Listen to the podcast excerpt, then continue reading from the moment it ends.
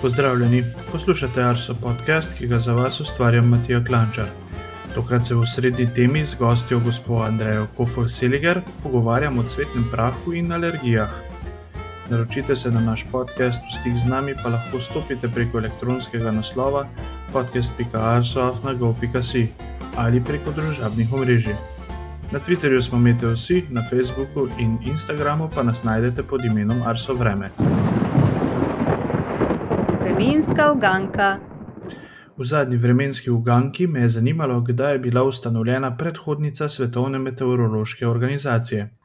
To se je zgodilo leta 1873, ko je bila ustanovljena Mednarodna meteorološka organizacija in je bila njena glavna naloga izmenjava vremenskih podatkov med različnimi svetovnimi državami. Danes gremo na področje Slovenije. V luči zadnjih razmer, ko smo bili priča aprilskemu snegu kar dvakrat, me zanima naslednje. Katero aprilsko sneženje je bilo v Mariboru v zadnjih 70 letih najbolj izjemno? Na voljo vam dajem štiri odgovore. Prvi: 12. in 13. aprila 1986, pod B. 24. aprila 1988, pod C. 6. aprila 2021, torej prejšnji teden, ali D. 22. aprila 1965. Imamo morda med poslušalci koga, ki se tega dogodka spominja? Odgovore nam pustite v komentarjih na Facebooku, na Instagramu, na Twitterju ali pa nam jih pošljite po elektronskem naslovu podcast.arsofna.gov.si. Osrednja tema. Zima, pomlad, poletje ali jesen. Kateri letni čas pa je vam najljubši? Če ste eden izmed tistih, ki ste podvrženi alergijam na cvetni prah, imate verjetno na mesto letnih časov raje dneve v letu z dežjem. Več o tem in vsem drugim pa z gostjo, ki prihaja iz Nacionalnega laboratorija za zdravje, okolje in hrano, gospod Andrej Kofol-Siliger. Pozdravljeni. Dobr dan. Omenil sem na začetku, da prihajate iz Nacionalnega laboratorija za zdravje, okolje in hrano. S čim se pravzaprav ukvarjate? V našem laboratoriju menim, merimo obremenjenost zraka s cvetnim prahom po standardni metodi z namenom obveščanja zainteresirane javnosti, predvsem tistih, ki so preobčutljivi na cvetni prah. Informacije o tem, kaj se dogaja v ozračju, moramo poiskati dovolj zgodaj, da začnemo z zdravljenjem in preventivnimi ukrepi, preden se alergijska bolezen razvije in postane breme. Izčrpne podatke o cvetnem prahu in kratkoročne napovedi so na razpolago na spletnih straneh Nacionalnega laboratorija za zdravje, okolje in hrano. Mi poslušalcem damo drugače tudi ob podkastu samem, tudi linke pripnemo, tako da bomo v bistvu tudi vaše povezave pripeli k temu pogovoru, tako da si bodo v bistvu poslušalci lahko ogledali kaj več o vašem delu, tudi potem po tem pogovoru.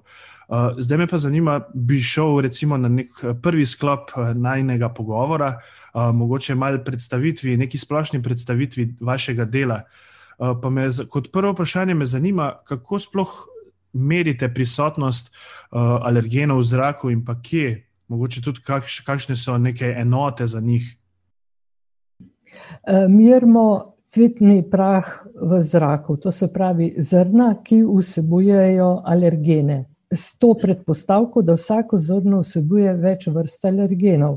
Zato je pa tudi cvetni prah približek vsebnosti alergenov v našem okolju in je za sedaj edina rutinska metoda, ki se uporablja, ki se na široko uporablja v Evropi in po svetu.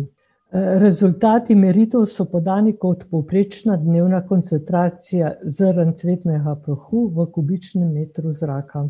Mogoče potem me zanima, večkrat slišimo drugače, da alergeni iz zunanje okolice ne pridejo v dom, da da se priporoča neko zračenje prostorov zgodaj zjutraj. Ali to drži? Mogoče boste vi poznali malce bolj detajlen odgovor na to vprašanje oziroma na to trditev. Seveda, cvetni prah vstopa tudi v notranje prostore, v naše bivalne prostore, po eni strani skozi vrata in okna ob zračenju, lahko jih pa tudi prinesemo na obleki, naši ljubljenčki v svojih kožuhih in podobno. Drži pa v bistvu to za vse rastline ali pa cvetni prah da, da potujejo po zraku, recimo bolj v nekih časovnih obdobjih, ali pa mogoče ob tipičnem vremenu? Najprej moramo vedeti, da cvetni prah. Um, vetrocvetnih rastlin je tisti, ki eh, eh, najpogosteje povzroča alergije. Zato, ker so količine eh, zrn v zraku tako velike, da lahko vzbudijo naš imunski sistem. Zdaj, tako je, da analize dnevnega hoda cvetnega prahu kažejo, da so najmanj obremenjeni ob lepem vremenu najmanj obremenjene uh, obdobje uh, pred šesto uro zjutraj. Med četrto in šesto ugotavljamo, da so najnižje konce, uh, obremenitve. Lahko so uh, tudi zvečer in to po 20 uri, in tudi po dežju, ko ta izpere cvetni prah iz zraka. A pa se recimo to ta primer razlikuje recimo, od naše lokacije, kjer smo, recimo, če smo ob morju ali pa če smo recimo v gorah, v mestu. Za lokalno rastje to velja. Ne? Imamo pa tudi te vremenske situacije, ko piha veter iz morja na kopno, takrat eh, je eh, zrak bolj ali manj brez peloda. Podobno je tudi eh, visoko v gorah, ko večino uh, cvetnega prahu prinesejo uh, tile pobočni vetrovi iz doline na vzgor. Lokalno je pa nad gozdno mejo prisoten cvetni prah, trav, kot te cvetijo. Uh, pa me pa v bistvu zanima še ta razlika med podeželjem in pa mesti. Je obremenjeno zraka s cvetnim prahom v zraku večja, kje? Eh, zagotovo na podeželju, eh, nastopajo pa tudi razlike. Eh, v mestih je, se linearno zmanjšuje obremenjenost zraka s pozidanostjo.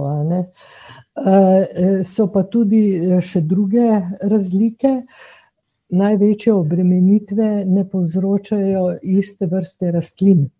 V mestih imamo nasade, domačih in tujerodnih vrst, na podeželju je pa to bolj ali manj avtohtona flora Slovenije. Ne. Kaj lahko še rečemo, da v mestih je problem v tem, da se sadijo eh, eh, drevesa iste vrste v večjih skupinah in s tem lokalno povečujemo obremenitev zraka. Naprimer, imamo drevorede divjega kostanja v parkih, kaj je zdaj, skupke lip eh, in potem še zelo popularne breze v vsakem vrtu. In eh, predvsem so take nasaditve problematične, eh, če drevesa sadimo blizu stavb. In ob prezračevanju imamo uh, potem vir cvetnega prahu tik pred oknom. Ne? In uh, z vetrom, ki prihaja v sobo se prinaša tudi. Se prinašajo tudi zrna, ki se tu posedajo in se deponirajo v, v naš prah, v sobi, ki ga in ta zrna potem ponovno lahko zaktiviramo z raznimi dejavnostmi. Naprimer, čisto tako otroci skačejo po sobi, ali pa kaj jaz vem, veliko ljudi vstopa in izstopa iz sobe, in podobno. Ne? Zelo zanimivo. Vsa okna pa tudi niso enako obremenjena. Če imamo veter, ki piha prvokotno na, na okna, bo v sobe prinesel veliko več cvetnega prahu, kot če imamo eh, okno v nekem zavetarju in tega prenosa ni. Nastopajo pa tudi eh, razlike v obremenjenosti z višino stavba. Z višino se obremenjenost eh, zmanjšuje. Če imamo stolpnico, bo v pritličju veliko več obremenitve kot visoko v stavbi, niso pa tudi časovno usklajene najvišje obremenitve. V zgornja nadstropja bo prinesel veter zrna iz večjih razdalj, to se pravi nekje iz okolice, iz gozda, naprimer, pri tleh je pa vir cvetnega prahu tisti najbližji. In v zavetrnih legah imamo potem največje obremenitve, obremenitve na nivoju tal. Mhm. Zelo zanimivo. Uh, pa mogoče recimo, en podaljšek tega vprašanja. Uh, ja. Ali lahko recimo, vem, uh, smo na primerni razdalji od nekega drevesa, da nas cvetni prah, uh, na katerega smo alergični, ne bo dosegel? Ali bi se dal to mogoče nekako tako oceniti, ali je to mogoče eh, res tako odvisno od vseh teh uh, tudi vremenskih razmer in pa vetra odvisno? Ja, eh, od vremenskih razmer in od vetra je odvisno tisti prinos cvetnega prahu iz okolja, iz okolice. Če imamo en vir v bližini, a ne potem je ta prva stvar. Je, odstranjevanje cvetnega prahu iz zraka s posedanjem. Zaradi gravitacije se v bližini, kaj z vem, desetih metrov, eh, posedajo velike količine. Vpliv enega takega vira je lahko tudi par sto metrov. Hm, zanimivo. Mogoče eh, še potem eno zadnje vprašanje tega sklopa. Eh, ali zgodni začetek cvetenja tudi pomeni, da bo vem, prej vseh skupaj mimo, ali bo cvetenje in pa posledično težave oseb z alergijami trajale dlje časa kot v povprečju? Eh, zgodno cvetenje prinese samo zgodnejše eh, obremenitve zraka, ponavadi je to januar, tisto zgodno cvetenje, ko sredi zime še ne premišljujemo o, cve, o um, alergijah in cvetenju. Zdaj, če uh, je lepo vreme, uh, ugodno vreme, bom rekla, potem bo tudi zaključek cvetenja zgodnejši. Če pa nastopajo ohladitve, so to uh, prekinitve same eh, sezone in se sezona nekako podaljšuje. Zgodi se pa tudi, da, potem, uh, da so pogoste padavine in se sezona raztegne tudi na dva meseca, ni pa nobenega izrazitega maksimuma v tem obdobju glede na to, drgač, da smo zdaj že do dobro vstopili v pomlad, ja. uh, bi mogoče se dotaknili nekega aktualnega stanja. Vsako leto pri vas izdate koledar cvetnega prahu. Mislim, da je ravno v kratkem uh, sem videl uh, na, tudi na, na objavah vaših družbenih omrežij, uh, da ste ga izdali letos. Uh, mogoče opažate, glede na preteklo obdobje, kaj posebnega je cvetnega prahu pri nas vsako leto več, manj. Koledar cvetnega prahu eh, izraža neko eh, povprečno stanje. Za ta, eh, za ta omenjeni koledar smo uporabili desetletna merjanja in predstavljene so potem tudi povprečne vrednosti, desetdnevne povprečne vrednosti. Tako da je to zelo robustna predstavitev obremenitev. In uh, bolj do izraza pride uh, to, da če analiziramo dodatno vsako vrsto rastlin posebej v določenem časovnem obdobju, tu se pa pokažejo razlike. Zdaj, v tem desetletnem obdobju se letni seštevek, to se pravi, če seštejemo vse uh, koncentracije, ki smo jih izmerili, Eh, za vse rastline se ne povečuje. Eh, na nivoju ene vrste pa opažamo eh, rahla povečevanja. Vendar še vedno imamo tista letna nihanja, ki so velika, in eh, te zameglijo tisti izraziti trend uh, povečevanja. Ne, ne moremo reči, da je statistično signifikanten, ampak opazimo, da izračun kaže na povečevanje. Zdaj me pa v bistvu zanima še mogoče malo bolj časovno. A zdaj ste opazili zamik v pojavljanju cvetnega prahu pri posameznih rastlinah, recimo, da bi vem, ta zamik bil bolj v, v zgodnje mesece ali pa v poznejše konec koncev. Ja, eh, seveda opažamo, da so vse bolj pogosta tista eh, pojavljanja, ki eh, zgodaj v januarju, ampak še vedno so vmes leta, ko se cvetni prah pojavi z, veliko, z velikim zaostankom, tudi do meseca pa pol. glede na zgodnejše pojavljanje. Je pa frekvenca teh zgodnih pojavov večja. Ja. Po drugi strani imamo pa v jeseni, ne, drugi pol, ko se pa tudi vegetacijska sezona podaljšuje in opažamo ja, vse več obremenitev s cvetnim prahom trav v jeseni. Ambrozija nekako ustraja naprimer v, v Prekmurju tja do oktobra in ja. Ja, to dejansko kar podaljša pol ta to obremenitev za alergike. Ja, bi pa opozorila, da alergiki, en posameznik ni preobčutljiv na cel spekter cvetnega prahu, na samo določene vrste. In naprimer podaljševanje je pomembno samo takrat, da ljudje dovolj zgodaj reagirajo na to, da začnejo s preventivnim obnašanjem oziroma jemanjem zdravil glede na to, da smo zdaj že vstopili uh, v mesec april, oziroma bodo naši poslušalci slišali to oddajo v, v začetku, nekje v začetku meseca aprila, me zanima, zakaj pa ta mesec velja za nekaj najhujšega za alergike. Ali je kakšna tipična rastlina ki, ali pa drevo, ki to uh, povzroča? V aprilu cvetijo v bistvu naši gozdovi. In to so bolj ali manj vetrocvetna drevesa.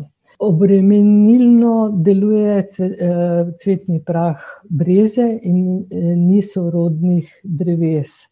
To je gaber, hrast, bukev, imajo sorodne alergene in pride do navzkrižnih reakcij in ponavadi ta dodatna obremenitev poslabša samo stanje v okolju.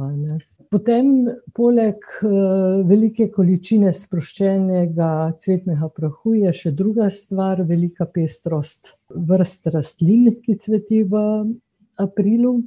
Poleg alergenov brezi in sorodnih dreves imamo tukaj še jesen, ki ima drug tip alergenov, a ne. In v Primorju so tudi še vedno prisotne ciprese s tretjo vrsto alergenov. Mogoče v bistvu tule podvprašanje ali pa nadaljujoče vprašanje. A je zdaj v bistvu ta sezona potem tudi na višku in pač kdaj se ta obremenitev recimo pa potem zmanjša? Najvišje obremenitve so v aprilu. Poleg tega je pa zelo pomemben maj. In tudi na drugi strani marec, a ne. V maju se pojavi cvetni prah trav in največ alergikov je preobčutljivih na, na trave. Drugi tak pelod je pa breza. Zdaj, če imamo zelo topel april, imamo na začetku prva polovica meseca je močno obremenjena z brezo, nakar se v zadnjem delu meseca pojavi cvetni prah trav in imamo skupaj dva zelo alergena, alergeni vrsti hkrati v zraku. Še mogoče eno tako zadnje vprašanje tega, tega sklopa, aktualnega sklopa. Zanima me, glede na to, da v bistvu praktično vsak dan nosimo, smo začeli nositi maske. Ali te maske morda so alergikom v kakšno olajšanje ali ne? Ja, študije so pokazale, vsaj za tele maske FP2, če se pravilno nosijo, da zmanjšajo pri ljudeh simptome senenega nahoda, a ne, to se pravi, da pridejo do nas manjše količine zrn, ki povzročajo potem olajšanje. Ne moremo pa govoriti o tem, da bi čisto ukinili te alergijske reakcije, ne. Je pa je pa problem v tem, da potem skozi maske težje dihamo, je propustnost mask manjša in je lahko pri bolnikih tudi to lahko ovira, Razumljivo. mogoče še zdaj v zadnji del najinega pogovora bi malce osvetlili še prihodnost oziroma malo pogledali v prihodnost. recimo, kaj vas je v zadnjih letih, recimo v tem vašem delu, najbolj presenetilo? Se je mogoče na našem področju pojavil tudi kak nov alergen ali kaj podobnega? Za pojav novih alergenov je potrebno, da so pomembni za zdravje, je potrebno imeti tudi določeno obremenitev zraka, ne. Če imamo to par zrn, ker je nekdo posadil na primer okrasno drevo, ne, na primer, kot je japonska kriptomerija v park, to ne bo imelo kakšno velikega vpliva na populacijo ljudi, ne. je pa v zadnjem času me je, me je presenetilo tole, ti dogodki s saharskim peskom, ko smo v letu šestnajst je, je hkrati bil v zraku tudi cvetni prah breze. Letos smo pa tudi živeli tudi s cvetnim prahom cipres. Koncentracije so takrat velike, to se pravi, da pride do nekega združevanja zračnih mas, ki potem imajo tak rezultat. Ni pa vedno tako, no. Da bi to posplošili. Recimo v zadnjih letih ali pa že kar desetletju, velikokrat slišimo, sploh iz našega področja, če izhajam, o podnebnih spremembah, a ne. a lahko mogoče obstajajo kakšne povezave, s podnebnimi spremembami pa pojavljanjem samega cvetnega prahu? Segrevanje ozračja, ne, prinaša tudi svoje zgodnejše pojavljanje cvetnega prahu spomladi, to smo, ker pride tudi do, do zgodnejšega cvetenja. Po drugi strani je problem z vzroki sprememb, je onesnaženje zraka. In to onesnaženje po eni strani vpliva direktno na naš organizem, po drugi strani pa tudi na, na pelod, a ne. Nanj se lepijo razni trdni delci, ki so v zraku, zrna lahko počijo in, taka fragmentirana zrna lahko prodrejo v, globoko v pljuča. Tudi pri nas so zelo pomembne tele spremembe z večjo frekvenco neviht, ne. In v nevihtah popokajo ta zrna, ki so higroskopična, in imamo lahko pojav, večji pojav astme. ker samo, manjši fragmenti lahko grejo v pljuča, večji se nam cvetni prah se nam ustavlja v nosu. Mogoče, da zaključiva najin pogovor pa s tem, da bi vas prosil mogoče, da podate nekih najpomembnejših preventivnih nasvetov za tiste, ki pa trpijo z alergijami, ker verjamem drugače, da je tudi med našimi poslušalci je mnogo takšnih, ki imajo težave. tako da bi vas prosil mogoče res za kakšen nasvet. Ja, prva prva, stopnja preventive je, da se čim bolj izogibamo alergenu. In takrat, ko je, so, ko je sezona na višku, priporočamo, da se ne izvajajo aerogeni treningi zunaj, zunaj, ker ko globoko dihamo, vdahnemo tudi večje, količine alergenov. Druga stvar je, da pazimo na prezračevanje v stanovanjih. Podobno moramo tudi imeti, to prezračevanje v mislih, ko se vozimo v avtomobilu. da imamo tole prezračevalno napravo očiščeno v avtu. potem, da, ne odlagamo, obleke, ko pridemo iz zunanjosti v notranjosti v spalnicah, ker se gotovo nalepijo, zrna na obleko.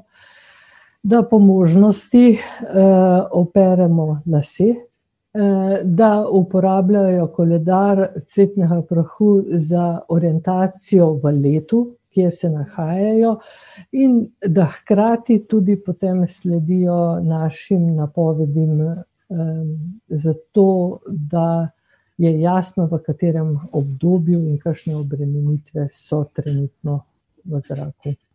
Super. Jaz mislim, drugač, da smo tale pogovor pripeljali k koncu. Jaz se vam najlepše zahvaljujem za vaš čas, pa tale zanimiv pogovor, tega, ker tudi za me osebno uh, je bilo nekaj zelo zanimivih in pa čisto novih informacij, uh, kar je pa v bistvu tudi um, naš cilj, uh, tudi z našim tem podcastom, ki ga delamo. Tako da hvala še enkrat. Hvala vam. Obeti. Vremensko napoved za naslednje dni je pripravil prognostik Blaž Šter. Lep pozdrav! Vreme je znova marsikoga presenetilo. Včeraj se je ponovno maja sneženja spustila do nekaterih nižin. Zasnežilo je predvsem više lege ter zlasti jug Slovenije.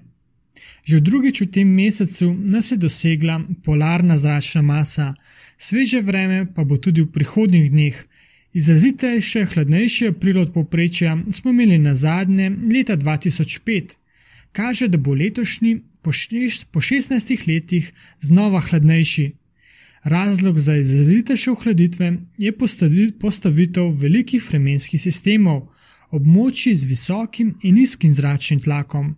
Nad britanskim otočjem je znova nastal anticiklon, ki mu lahko rečemo kar blokada, saj preprečuje toplejšim zahodnim vetrovom, da bi dosegli tudi v srednji del celine in tudi naše kraje. Nasprotno, se do konca tedna in verjetno tudi kasneje bomo vsaj blizu tal pod vplivom hladnega vetra severnih in vzhodnih smeri. Oblačnost se bo danes od zahoda lepo časi umikala, predvsem na vzhodu bo pretežno oblačno, nastajala bo spremenljiva oblačnost, saj nas bo v višinah preplavila vse hladnejša zračna masa. Popovdne bo nastalo nekaj krevnih ploh, še vedno bo pihal severnik, sveže bo, najvišja temperatura bo po nižinah v notranjosti okoli 10, na primorskem do 13, nekoliko više recimo na planotah Notranske in v Alpskih dolinah pa bo le malo nad 5 stopinj. V četrtek in petek bo zjutraj precej jasno, tako da bo znova marsikje temperatura padla pod ledišče. Ne bo tako mrzlo kot pretekli teden, a vendarle bodo temperature večinoma od minus 5 do nič, topleje, večinoma nad lediščem bo na primorskem, hladneje pa v kraji snežno vdajo, zlasti v mraziščih, ker bo tudi okrog minus 8 stopinj. Čez dan bo znova nastajala spremenljiva oblačnost, tudi kakšna ploha ni čisto izključena. V petek več srednje oblačnosti, v višinah bo namreč začela dotekati vse bolj vlažna zračna masa. Za konec tedna pa sonce in otoplitev. Ja, kaže, da bomo ostali le pri željah. Nekoliko se bo sicer osegrelo, a bolj na račun oblačnosti, ki bo preprečevala nočno ohlajanje. Tako v soboto kot v nedeljo bo namreč pretežno oblačno, predvsem v vzhodnji polovici Slovenije bo možen občasen rahel dež, meje sneženja ne bo prav visoko, v sredogorju bo naletaval sneg. Koliko padavin bo, je zaenkrat še negotovo. Se bo pa znova ukrepil vzhodnik na primorskem burja, veter bo prispeval k, doda k dodatni svežini. Podobno vreme bo tudi v začetku prihodnega tedna, le da bo postopoma malo topleje. Pozorni moramo biti na ciklon, ki se bo razvijal nad sredozemljem, saj bo najverjetneje v večji ali manjši meri vplival tudi na vreme pri nas. Dobra novica je, da bo vsaj do novega tedna večinoma brez novih ohladitev. Dnevna temperatura zraka pa se bo približala 15 stopinjam. Lep pozdrav, do prihodnič. Vremenske zanimivosti. V tokratnih vremenskih zanimivostih si bomo ogledali obdobje od 29. marca do 11. aprila. Zadnjih 14 dni je bilo kar ekstremnih. Beležili smo visoke temperature, prodor hladnega zraka, snežne padavine, kakšni pa so bili podatki. Najvišjo temperaturo smo izmerili 1. aprila na postaji letališče Cerklja ob Krki. Termometer je pokazal visokih 27,8 stopinj Celzija. Gremo v druge skrajnosti. Najnižja temperatura je bila izmerjena na postaji Nova Vas na Blokah. Minus 20,6 stopinj Celzija je nov slovenski minimalni rekord, izmerjen 7. aprila. Najhitrejši sunek vetra smo tudi tokrat izmerili na Kredarici. 5. aprila je pihalo s hitrostjo 111,7 km/h. V preteklem 14-dnevnem obdobju smo največ padavin izmerili na Voglu. 12. aprila smo izmerili 70 mm padavin. Za konec še podatki o sončnem obsevanju. Najbolj sončna postaja v obdobju je bila postaja Godnje, kjer je sonce sijalo 121 ur in 48 minut. Največ sonca v enem dnevu pa je zbrala postaja Slavnik, kjer je 8. aprila sonce sijalo 12 ur in 29 minut. 59. epizodo smo z vremenskimi zanimivostmi pripeljali do konca. Hvala vam za vse odzive, kritike in poslušanja. Želimo vam obilo lepega vremena in se slišimo čez 14 dni.